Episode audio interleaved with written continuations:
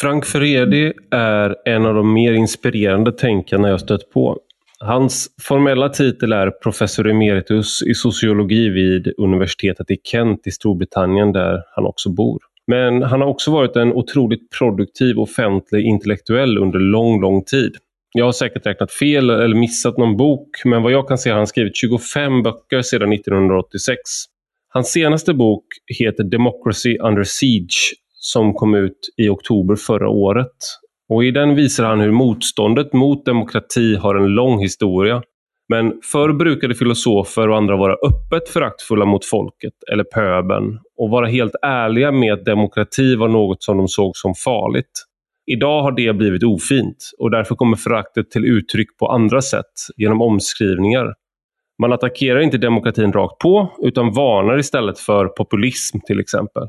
Etablissemang runt om i världen har drabbats av vad Furedi i boken kallar för demokratipanik, vilket får dem att försöka begränsa medborgarnas inflytande på olika sätt. Man avpolitiserar frågor, för över deras avgörande till experter, låter teknokrater sköta mer och mer. Och den som protesterar mot det kallas farlig, extrem eller populist. Det som pågår är en dragkamp mellan torget och tornet, mellan folket och etablissemanget, mellan en förskansad elit som vill behålla makten och folket som vill att demokrati ska vara mer än en procedur för att välja samma gamla klägg om och om igen, för att använda Håkan Juholts uttryck. Ungefär så kanske man kan i alla fall introducera boken som vi pratar om idag. Nu till dagens gäst. Du lyssnar på Rak Höger med mig, Ivar Arpi.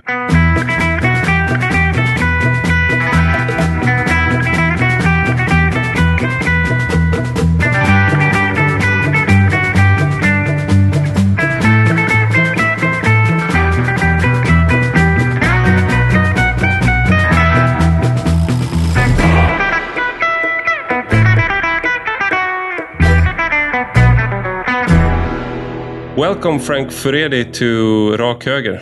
Pleasure to talk to you. I actually came across you, your work, for the first time when I read Therapy Culture, a book that came out in 2003, I, I believe. But I read it a couple of years later, and it sort of blew my mind because it was especially one example in your book where you go through how many times that we mention terms like stress and anxiety and how we continuously changing our way to describe uh, hardship in a therapeutic language. And I realized I'd been doing that for my whole life. so I had to, uh, I had to like really rethink how I described myself. And I think you brought up uh, like a mining crisis in Wales, I think, and that when when it happened, people don't seem that traumatized. But then uh, the media went back with their therapeutic language, and they sort of uh, invented, reinvented the trauma of the miners because a lot of children died. Of course, it was an awful catastrophe. But could you just summarize the thesis of therapy culture just for me. no, but it's a very interesting uh, thesis, and I think it's really present today still. I think what I was trying to deal with was the fact that what is to be a human being, what a person is, has been gradually reshaped by the discipline of psychology. And, you know, psychology is okay in a clinical setting, but when it becomes something that is used to define who we are, how, how we think, then the way we experience the world alters fundamentally. So, for example, uh, I always remember when my son came home from school at the age of seven, and he was using words like "I'm stressed," "I'm depressed." You know, he sounded like a little Freud. You know, and I'm I'm sure he didn't know what those words really meant. But the very fact that the teachers were talking about being traumatized uh, and, and and being stressed in such a casual kind of a way meant that young children were already encouraged to become extremely inward looking. And instead of uh, engaging with the external world and having a sense of their strength, they were always being reminded of their weaknesses, their powerlessness. And that's why the subtitle of the book is uh, Therapy Culture Cultivating Vulnerability, because what we're doing is we're almost encouraging people to become conscious of how weak and powerless we really are, and therefore uh, how important it is that you and I are insulated from the pains of everyday life, from distress, uh, from the normal um, forms of rejection, which is are, are, inevitable, from the pressures that are kind of placed upon us. And so the, the book is really an exploration of the meanings of this cultural turn for everyday human behavior in the Western setting. And uh, I mean, you you wrote this book quite. You, you, saw a trend that has just accelerated. I would I would say so. You were really ahead of the curve there because. I mean, it was 12 years later that Jonathan Haidt and Greg Lukianoff came out with uh, their book where they they see that the vulnerability of American students uh, is exploding on college campuses. And, and Greg Lukianoff, who said that he had fought the coddling of the American mind is, is the book and the, the article that was the basis of the book. And the coddling is just that you are um, you're encouraging to see yourself as vulnerable and behave as if you are vulnerable. And uh, so Greg Lukianoff had fought with clinical de- depression, and uh, he had uh, what had helped him was uh, cognitive behavioral therapy, where you try to become less vulnerable. And he saw that our culture is doing the exact opposite. But you you saw these trends uh, like uh, ten or fifteen years earlier. So it's really interesting because now we have we have a, I, I think it was when I read your book that I realized that the words. Uh, maybe I'm a late bloomer or or or uh, not so smart, but it was the first time I think that I realized that the word stress is not a neutral way to describe something. It's actually a cultural word to describe a phenomenon, or it's not a natural uh, state. So, but do you think that the, the trend that you saw then has accelerated as I describe it, or do you agree with that, or uh, how do you view it now? Well, the way that I see it is that if you, I mean, language is very useful because uh, almost all the words that we use in the English language, I don't know about Swedish or other languages, are have fundamentally altered. We're using words now routinely that would have been unthinkable in the past.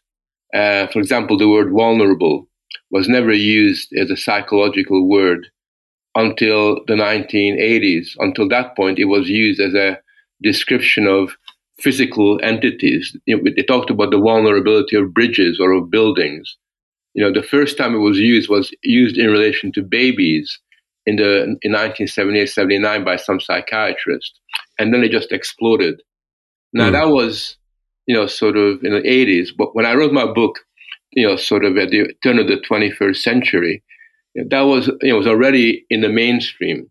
But today, in uh, in in 2021, the psychological turn has acquired such a powerful momentum that it, it is literally become the defining medium through which uh, uh, Western society interprets its cultural experience, its political experience, so that mm. the the boundary between what is our inner life and what is our outer life has gone completely. The two are entirely the uh, entirely the same, and in that sense, we, we become so accustomed to it that we don't even notice that there's anything unusual about defining normal problems of life, such as distress, which is, or pain, which is a normal part of our life, through a psychological diagnosis. And also, there's been a trend to uh, take our terms, the psychological terms, the therapeutic language, and project them onto history. So, for example, you can say that how many of the Roman legionaries had PTSD, and uh, and you can uh, go back and you and you give diagnose psychological diagnoses or psychiatric diagnoses to historical figures to explain uh, their ideas or their behaviors. So we are replacing an older language with this, an, an older frame of analysis with this therapeutic uh, frame of analysis. Yeah, I mean, it's got a totally imperialistic ambition. So wants to spread everywhere. And we have a situation where the past is continually being rewritten uh, as if uh, the people in the 14th or 12th century had already become familiar with Freud or with Jung or all, all these people.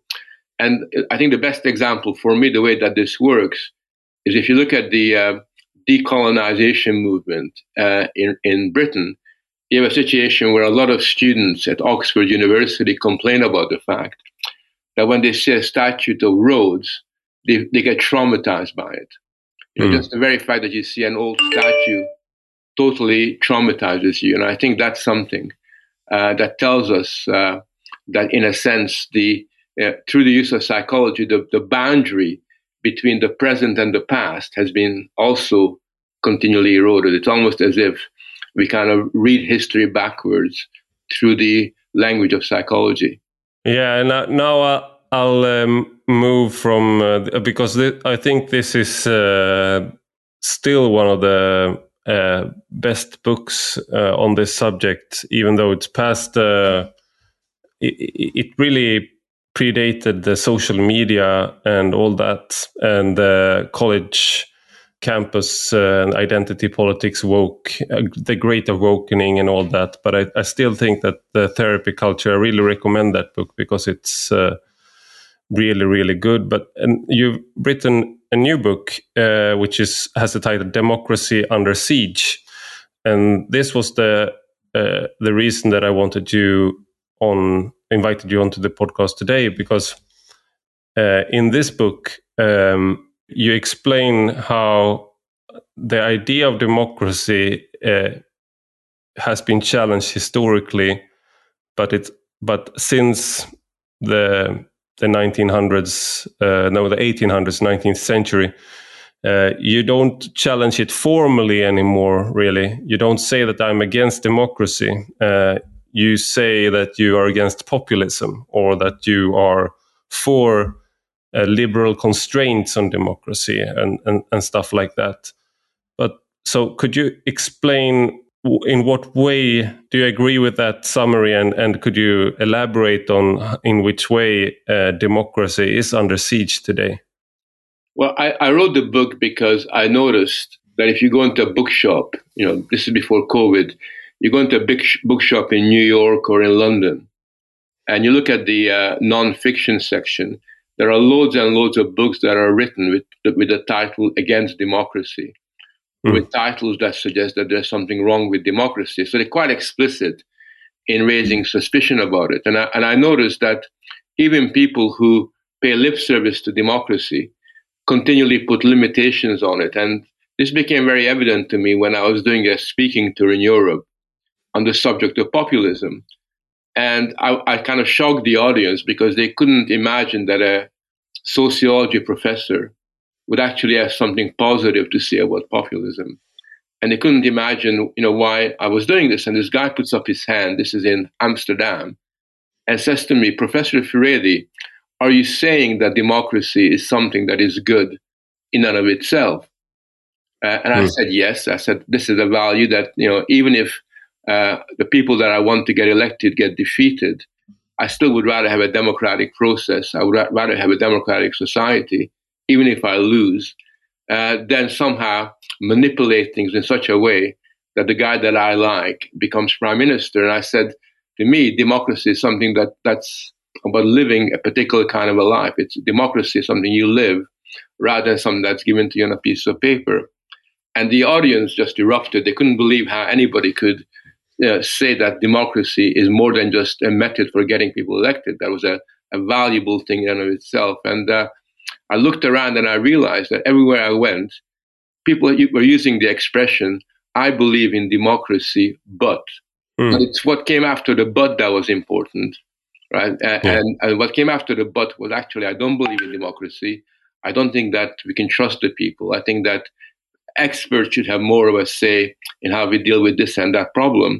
Or alternatively, they would say that there are educated people who are more sensitive and understand what needs to be done than than these millions of ignorant individuals.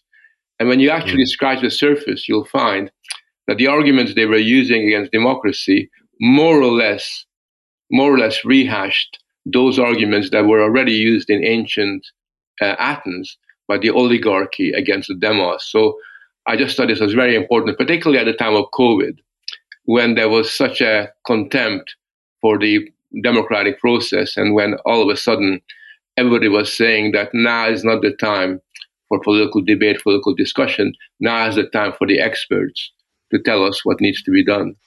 So I think the example of COVID is very interesting. We have had you live in in, in Great Britain, and I live in Sweden. So we have had different experiences because we've dealt the countries have dealt very differently with COVID. But one thing that I noticed in Sweden is the the experts at Folkhälsomyndigheten, they were the ones in charge. So the experts were totally in charge.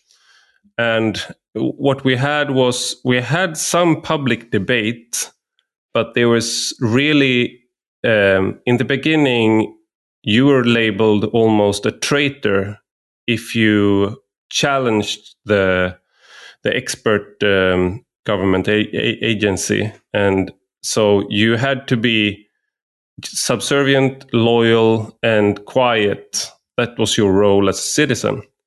And if you, those who did not conform to that was very heavily criticized.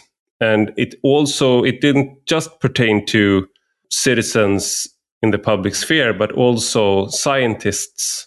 So you had differing views from scientists with a lot of, I mean, they were not crackpots. These were one of uh, some of our most cited scientists in the field. so they were really uh, experts in the particular in epidemi- epidemiology and and uh, uh, associated uh, sciences. So, but there were no way for them to uh, be heard for uh, from the government agency, and, and they were frowned upon and they were ridiculed. So, what we really had was a very we had the show of still they weren't put in jail or anything but the social stigma for them was very was very high and uh, a lot of people who were caught on the wrong side of the argument had a new view of how our our democracy really works. So we were the, we should obey and we should not question authority. And this i think uh, highlights some of your some of the themes in your book as well that where they say that some people say many, many people say and many um, authority figures say that they like a democracy but what they really like is the, the, the, the legitimacy that comes with being elected. But they don't like when the citizens raise their voice other times. No i think that's true. I think it was more or less the same situation in in britain as in sweden uh, which is a very strange thing because I do believe in expertise. You know, I mean, for example, you know, if I have a problem with my heart, you know, I, I go to a, the best surgeon that I can possibly find, and you know, if I want to know something about how the planets work, I go and, and, and talk to a scientist and, and I check out the experts. But the, there's a difference between the exercise of legitimate expertise in relation to their particular domain and the experts having the role of being uh, political authorities, where they assume the political role of telling us how to live our lives, and moreover, tell us that there is only one way of going forward, that whatever they say about how we live our lives is beyond discussion and beyond debate. And I think that's really where their anti democratic ethos you know, really comes out because I'm happy to listen to what they're saying. But at the end of the day, I'm a, I'm not a child. You know, you're not a child. You know, we are in a position to discuss, argue, debate, find some ways of making up our mind. We listen to different experts because they don't always uh, agree anyway on many of these things. And in particular, when you have a pandemic, one thing we, we learned from the history of disasters is that very often it's through the context, the specific context within which people live, where they can exercise their common sense, where the communities can work out what is the best way forward. That is usually the most effective way of limiting the damage that a particular pandemic or a disaster causes. So I think in that sense, uh, there was a very real anti-democratic turn that occurred. And uh, in, in Britain, for example, they used the word uh, COVID deniers. Uh, and you know, a COVID denier wasn't somebody that necessarily said that COVID didn't exist. I mean, I think COVID exists. I think COVID is a big problem. It, you know, I certainly don't want to get it.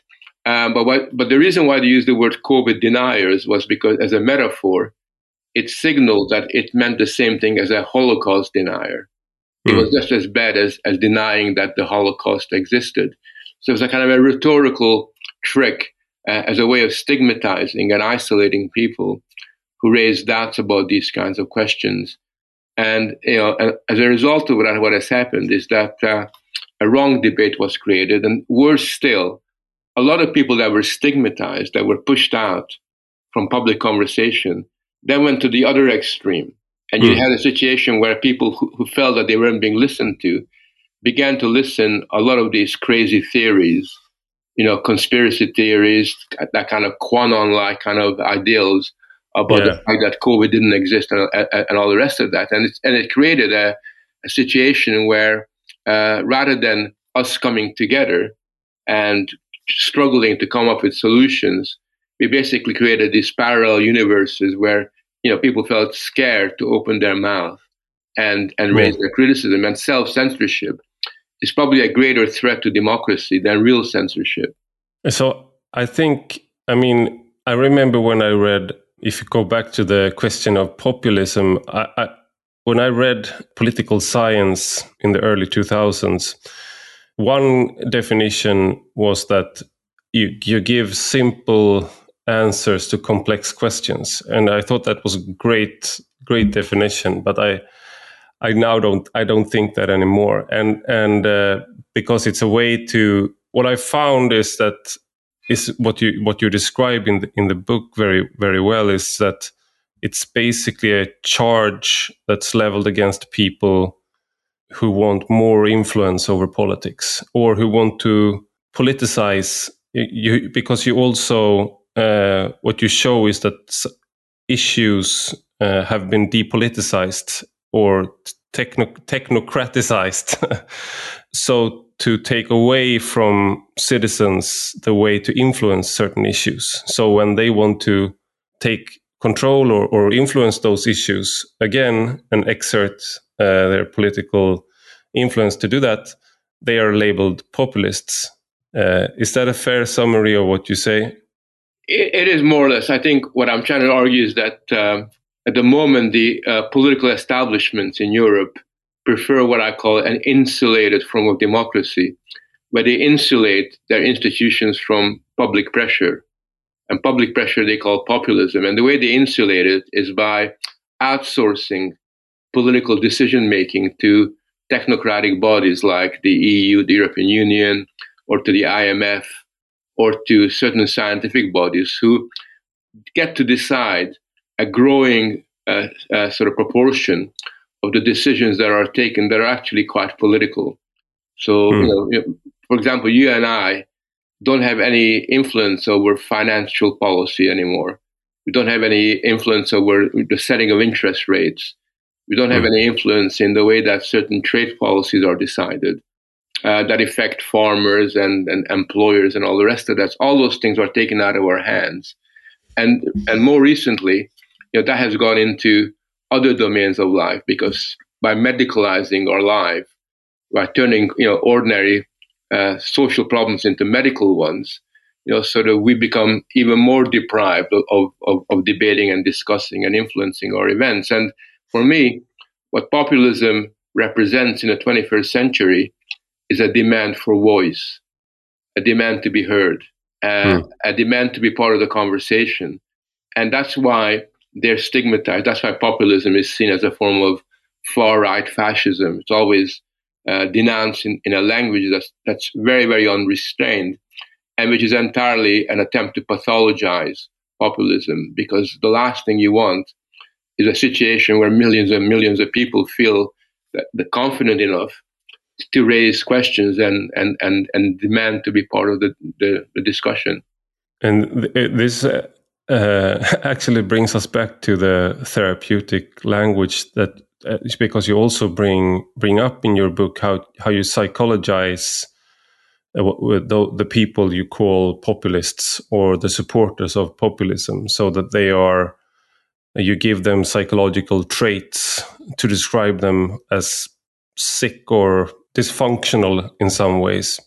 Uh, so you don't have to deal with them as equals, but uh, rather as people who you have to treat in some way, uh, almost. So you, it's a very uh, and all, and also when when uh, um, perhaps it's fitting that Donald Trump received this treatment because he is a very special person, but uh, they broke the psychologists in the United States. They broke a code of honor that you should not uh, psychologize the president or the presidential candidates.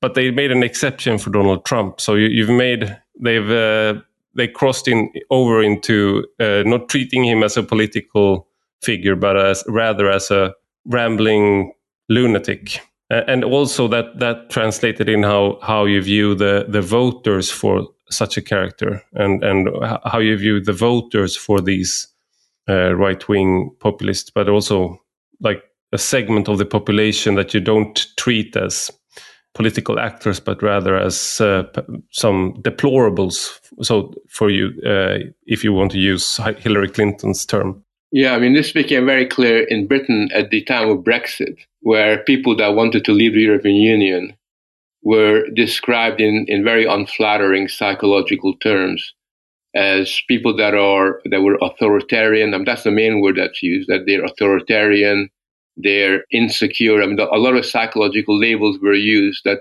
to suggest that the people that were supporting Brexit were not only sort of uh, psychologically uh, sort of ill, but also because of that, they were morally inferior. Because you have to remember that uh, one of the important things about psychology is that it serves as a medium through which moral judgments are often conveyed. So when you make a diagnosis of somebody as being, let's say, suffering, having an authoritarian personality, that's not just simply a, a psychological label, it's also a sign of moral inferiority. And when you mm. e- explore the way in which populism itself has been described and, and, very actively discussed by different teams of psychologists, they always use a, a, a language that suggests that these people are not as intelligent as people on the other side. I mean, that comes up all the time. There's all these studies that suggest that somehow these individuals are emotionally illiterate, whilst people who are against populism are more sophisticated emotionally. They claim that they are more able to deal with complex ideas than these simpletons who, who kind of inhabit the populist camp. And after a while, what you know, uh, what psychology does, uh, and in the way that it's used as a political weapon, is it, uh, uh, it spares people from the burden of having to argue politically, because what's the point of arguing politically with simple people who are psychologically ill, who suffer from horrible authoritarian related diseases? You don't argue hmm. with them; you treat them and in many ways, that as a Hungarian, somebody born in Hungary in the Stalinist period, that very much reminds me of the way that in the in Stalinist period in Soviet Union, they would be they would be treating dissidents. They would kind of send them to you know, centers where, where, where psychiatrists would would deal with them in ways that was very very similar, maybe a little bit a little bit more harsh, because you don't get you know sort of sent to uh, asylums the way they did in the Soviet Union, but the impulse of using psychology to destroy you, uh, your, your kind of political reputation was very much the same. There's a, a liberal, I'm not going to name him, uh, but he's a, one of the uh, most prominent liberal uh, journalists, thinkers uh, here in Sweden. He uh, he during a talk he had or debate, he said that the reason that populists hate us liberals is because we were better than them in school. And you know what? We're still better than you are in school. So he's basically saying that it's a question of IQ. Uh, I'm not doubting that he's a smart guy, but I, I do think that he's under, he underestimates uh, his opponents, and it's very uh, um, condescending. And but you also bring up this that people are ira- people that, that rationality and reason is viewed sort of like a reserve, a preserve for a certain class of people. And you, you trace this back through history that you have this philosopher class who are able to reason, who are able to uh, tackle complex issues, and who are able to be rational, where sort of the mass, the masses, or the public, or the people, they are never they aren't able and they are sort of dangerous. So you should not give them too much responsibility because that can go awry. Yeah. I mean, ever since the Greeks, when they used to argue that um, demagogues could easily sway the masses, they were too stupid to think for themselves, to the point at which, when mass reading began, and they used to argue that we shouldn't give books to ordinary people because they would misinterpret it and draw the conclusion. All the way to then arguing that uh, advertisers, you know, in, on television uh, are so strong and the people are so easily manipulated that these poor fools go out and buy everything that they're told.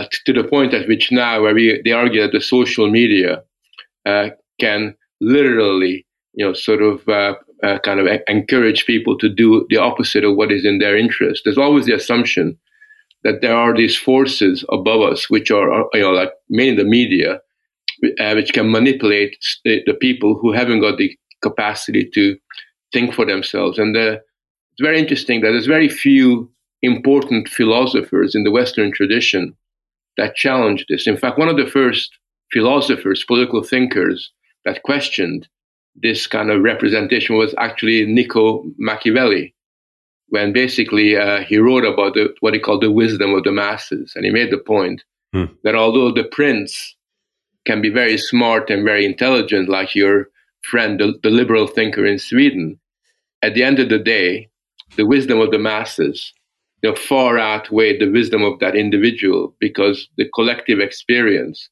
of people uh, who actually see what everyday life is like provides really valuable insights about the way that the, the world works. And as it happens, we know from history uh, that uh, the really smart people are not necessarily the ones that are on top. You know, the mm. old establishment. Uh, they, they are in fact uh, people who, who try to struggle to better themselves and to make their own way from below. And that's why you'll find that in most European countries, the ruling establishment gets refreshed time and time again by by the smart people from below, and that's really how that it, how it works. And very often, it's it's the experience of being part of the people and forcing yourself to kind of understand that, but to make your way out of that to become something else. That to me is the most important uh, vehicle, the medium for really gaining that wisdom and intelligence that often is in rare supply. So it's not the smart uh, liberal or smart experts, but it's actually a, a, more complex dynamic that we're talking about. And uh, in a book uh, by uh, Martin Gurri, I think I'm I'm not sure if I pronounced that correctly, but he, he wrote a book uh, which is called Revolt of the Public. He says that it's, it's it has a similar theme to your book, and one of the things that he says is that because of social media and internet, now the establishment in a lot of countries, uh, they are losing their power to control the information. So you have, for example, in COVID, if it were 30 years ago, perhaps, then you've had the, the, when the experts said that this is the way to do it, people would have had a hard time to uh, get other information. But now uh, you you see a lot of you see how other countries are dealing with it, and you also see that there is a lot of disagreement within the expert community uh, all over the world, and you can immediately access that. So you have a Swedish. The Swedish experts and the government agency they are more more easily challenged by facts from other experts or facts or, or viewpoints and also you can contrast how Sweden is dealing with it or, or Great Britain uh, with how uh, Australia, New Zealand, or or United States, or so uh, the establishment uh, feels much more under threat today. And one of the ways that it's dealing with it is to insulate themselves more. They feel more threatened. And one incident that's famous in Great Britain is when Gordon Brown was during, um, I'm not sure which election it was, but uh, he was around talking to regular people, and an old lady uh, voiced her concern about immigration. And then he get, got, got into his car and he forgot to switch his mic off. And he said, who, who put me in front of that bigoted woman? And I think Gordon Brown expressed something that's expressed in secret or uh, when nobody hears a lot. So you have to control the contact with the public, and uh, because you're afraid of the challenges from the public. Uh, so rather, if you go back 100 years, you had mass movements, and the politicians perhaps were the figureheads of mass movements to a larger degree, and now they are more afraid of the public. They're afraid of the uh, of the voters, and also you can see this with. I worked at Svenska Dagbladet for a long time. I still write uh, columns there uh, one time a month, but one thing you can you you notice on Twitter with journalists is that they sort of brag about the hate they receive from readers or the stupid readers and they make like screenshots of the stupidity of, of ordinary readers. Uh, so it's something you can see in the establishment. And also i, I came out I'll, I'll, end soon but i came out with a book uh, called Genusdoktrinen or the gender doctrine together with uh, Anna-Karin Wyndhamn. And because it was not vetted through a peer review process they had like internal seminars academics and gender studies professors about our book but they didn't invite us because we were outsiders. So you have this outsider insider uh, dynamic that he martin gurri brings up in his book that there's a it's an it's it's heightened the, the conflict between the establishment and the the public. Yeah in, in my new book that's coming out next month uh, I talk about this because I, I'm I'm trying to understand, you know, what is it that binds together the kind of people you're describing? Because unlike in previous times, it's not not a public ideology. You know, sort of, it's not like liberalism, it's not conservatism, it's not socialism, really. I mean, those things barely exist. Uh, so I call it in my book a, an ideology without a name. And what it is, is that it's really a, a l'esprit de corps, where they know exactly you know what the problems are. They, they they more or less react the same kind of a way. So when you have a dinner party in the Silicon Valley, the guy from Netflix and the guy from Apple and the politician from Washington can be more or less relied to respond to a question, a political problem, in the same kind of a way. And I think that this sensibility, which is one of we're different than they are, that, that kind of sense of distinction is best expressed in, in certainly in the English language by the term awareness, you know, in the sense of, you know, we are here to raise your awareness. And when mm. they say raise your awareness, what they really mean is that we want you to think the way we think because we know better than you do what is in your interest or what's in everybody else's interest. And therefore, what they have is a situation where they, their public face is always, I'm going to raise your awareness, but their private face is really talking in a very contemptuous way about ordinary people. And it's mm. in, in their minds, uh, these people are, are scum. They're white trash. They're people who are, by definition, you know, sort of racist. They're homophobic, they're Islamophobic, they're all, all kinds of phobia. They're not really worth talking to or, or taken seriously. And therefore, their strategy at the moment, in order to strengthen their position, is to bypass the people and to go into the schools where you have very, very young children, you know, five, six, seven, eight year olds, and directly try to socialize them, to kind of uh, almost kind of indoctrinate them. This is mm. something that you can already see signs of in Sweden a long time ago in the interwar period when the when when when the when the social democratic government, the Myrdals and all these other people, began to introduce uh, this kind of education in the nurseries and in, in primary education. But that was nothing compared to what you're getting now. And I think that's the way that they're trying to create a, a base of support in order to mm. overcome the isolation that they experience. And I mean, this is uh, um, my oldest daughter just started uh, her mandatory. They they they lower the age for mandatory schooling uh, in Sweden, so they lowered it just to six years old, and then it, uh, perhaps it's no uh, uh, surprise then that the liberal party and the left wing parties they want to they are the ones who want to lower it even further. So some are discussing should we lower it to 2 years old or 3 years old from mandatory schooling? Because you have to start early if you're going to uh, be able to influence their minds and you have to separate the child from the family exactly yeah. uh, so that the the old way of thinking that the parents who are not educated enough in the ways of thinking or they belong to an older mindset uh, so they can just you have to uh, they they should not influence their children too much because then they'll get uh, they they won't have this new mindset that we need them to have exactly i mean this is what i, I, I this is my, my my issue at the moment because in many respects the big political battle in our societies is over how we socialize children.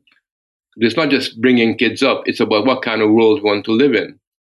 And I know myself, you know, so I'm much older than you are, but already you know, 10, 15 years ago, when my son was in school, we used to have this, uh, we used to laugh about it because my wife and I, what we would do is uh, debrief him uh, from what he was learning. And we used to say, this is what the Furedists think, this is what they think in school. So about every issue, we would, we would mm. give a different point of view because that was the way we felt.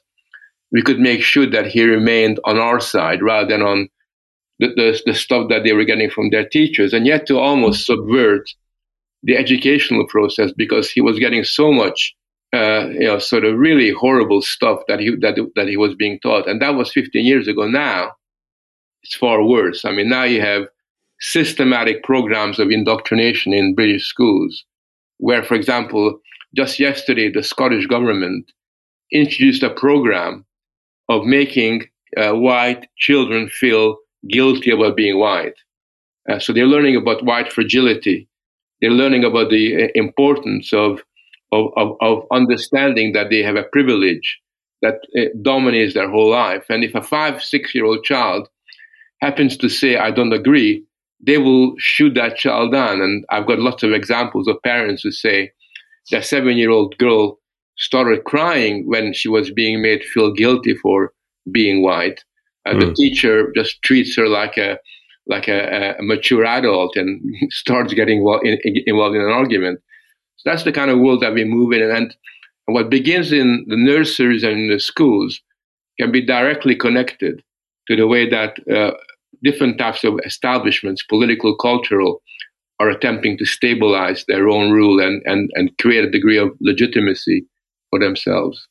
And and this is uh, sort of um, th this will um, play out in a, all all societies. I think what, what you have in United States, for example, you have uh, Christopher Rufo, who is uh, organizing the the resistance towards critical race theory and the, the, theories that you bring up and this raising children to be aware of race and if you're white then you should be aware of your privilege and your the position of power and made to feel guilty and if you're black then you should be afraid uh, because at any time the cops can come and kill you so to speak.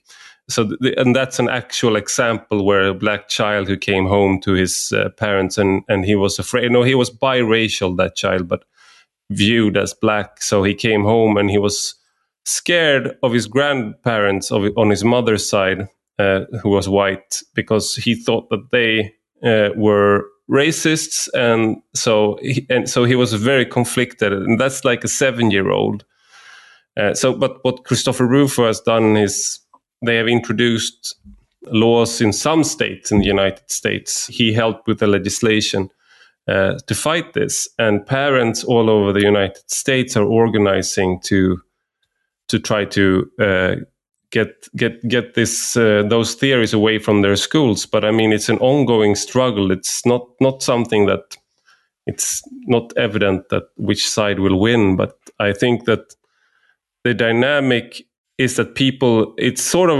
when when the printing press came around and that sort of enabled the protestant uh, awakening that you could translate the bible and you could produce the bible in local languages and you could put the bible in the hand of ordinary people so you did not have to have the priest tell you what was in the bible you could actually read the bible for yourself and have reading circles and make, make up your own mind. And uh, that was fought by the Catholic Church.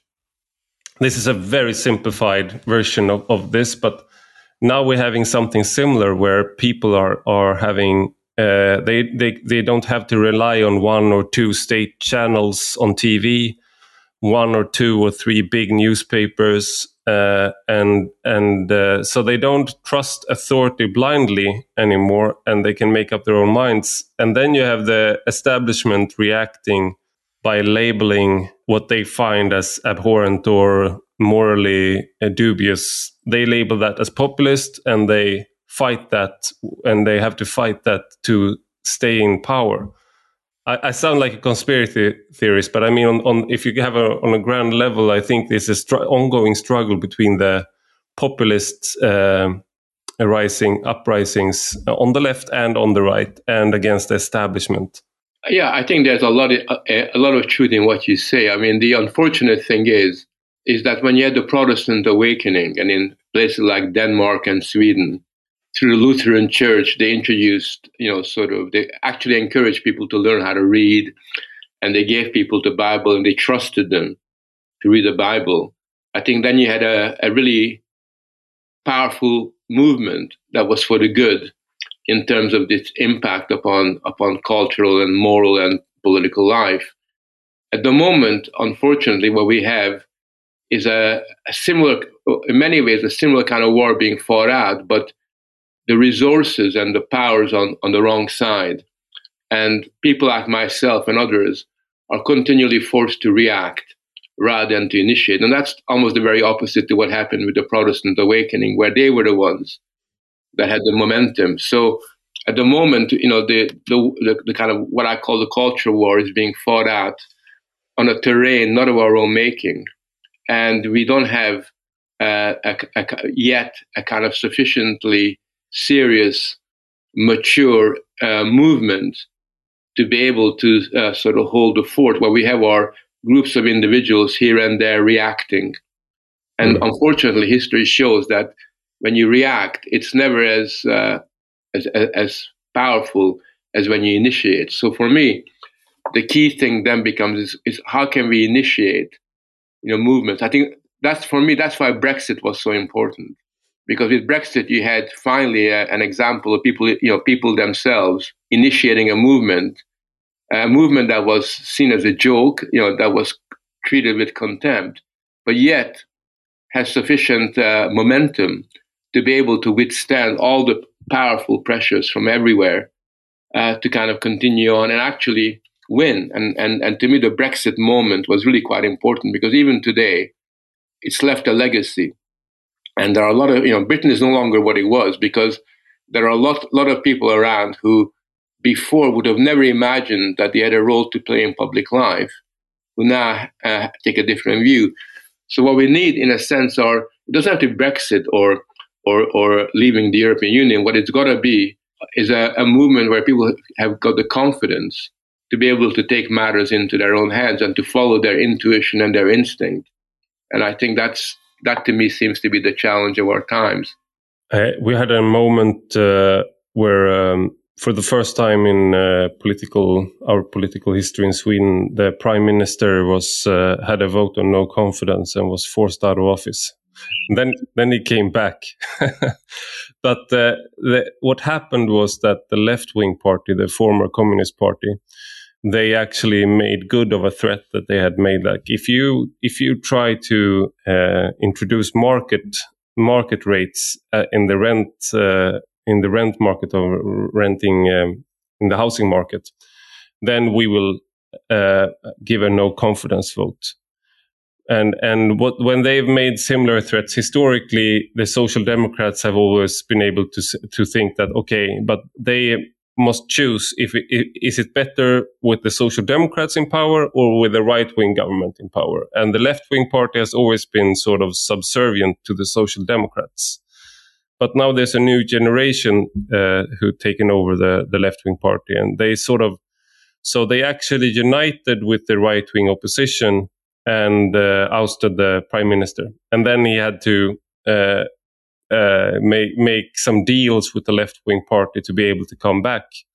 So the establishment is still there, but it was sort of a moment where a lot of people, even on the right wing, felt reinvigorated, which is sort of strange because this, of course, uh, a lot of people on the right have less in common with the left wing party and their leadership than they do with the social democrats in a lot of ways. But what, what they did was in my view, what the, they, they reintroduced, they politicized an issue that the Social Democrats and their liberal collaborators said that this is not a political issue. This is just an expert issue for the market. And then they said that no, we won't accept that. If you if you do that, that's a red line. And they made good on the threat. And I I found that that was a uh, th- this is sort of a uh, lot of issues we talked about this earlier, but a lot of issues are sort of sort of framed nowadays as these sort of forces of nature. This is not something that we can do anything about. This is just something that we have to accept. And then the the left wing party said that no, we won't accept it. And of course, they were labeled populist by a lot of people. And uh, may- maybe they were, but then I would say that that's uh, something good. Yeah. No, I mean, this is what you really are saying that is that at the moment, the uh, conventional distinctions between left and right are not as obvious as they were in the past, you know, sort of because uh, we live in a very fluid situation where the inner coherence of both section, both spectrum, sides of the spectrum, ideological spectrum have somehow become more diffuse. And therefore, at the end of the day, the question becomes, you know, where you stand in this kind of conflict that we have between uh, society, the public, and the different kind of uh, institutions that have been created since the post-war period that are often, um, you know, sort of uh, can only exist if democracy is constrained and is limited. So I think to that extent, uh, sort of uh, what happened in Sweden that moment is not unlike what happened with the Yellow Vest movement in France and elsewhere, where often you find yourself with very strange allies, people that you never imagined mm. you'd have anything in common with. You know, because at the end of the day, when push comes to shove, you know, you, you have to make a decision. You know, you know, sort of what's more important, uh, sort of uh, democracy, or you know, sort of being very pragmatic and realistic and just carrying on uh, the mm. same old way. So uh, I'm going to let you go soon, but you mentioned the, that you're coming out with a with a new book. What's the title of that book, and and uh, what's the what's the main thesis of, of the book? Well, the book is called "A Hundred Years of Identity Crisis: The Culture War Over Socialization," and what the book is all about is an is an attempt by me to explain the origins of, of the culture wars that we experience which began about 100 years ago, and to trace how it evolved to the present day. And uh, what I've what I argue in the book is that, contrary to what people think, the big conflicts about race, gender, you know, sort of uh, about nation, about sovereignty, about all these issues that we've been discussing, are conflicts that are worked out in the first instance in the area of socialization because it's through socialization that a society de- determines what it thinks is good and what it thinks is bad. The values that we live by are the ones that are transmitted to young people. And, uh, and, and one of the things that I point out is that over the last five generations, it usually takes about five generations of people, the values that are dominant today have become normalized. You know, the values that used to be countercultural in the 1960s are now the dominant norms. And it's people like you and me, you know, sort of who, for example, stand up for the Enlightenment values, to stand up for many of the gains of Western civilization. It's people like you and me who are the countercultural, because in many ways, what we're arguing goes against the grain of, of, of dominant culture. So the book tries to explain how it began, you know, sort of uh, what it really means, and the issues at stake. Uh, yeah, so that's coming out next month. I'm really looking forward to reading that one as well. Uh, thank you so much, Frank Fredi, for being a part of this podcast. Thanks very much, Ivar. Och stort tack till dig som har lyssnat. Detta är alltså en del av en större publikation på Substack med samma namn som podden. Den som prenumererar där får två texter i veckan utöver den här podden varje söndag. Gillar man det man läser och hör så får man gärna bli betalande prenumerant för 5 euro i månaden eller 50 om året. Och Då får man också ta del av lite extra material som är exklusivt för betalande prenumeranter. Du hittar rubbet på ivararpi.se. Och har du några frågor eller synpunkter kan du alltid mejla mig på ivararpi Vi hörs om en vecka.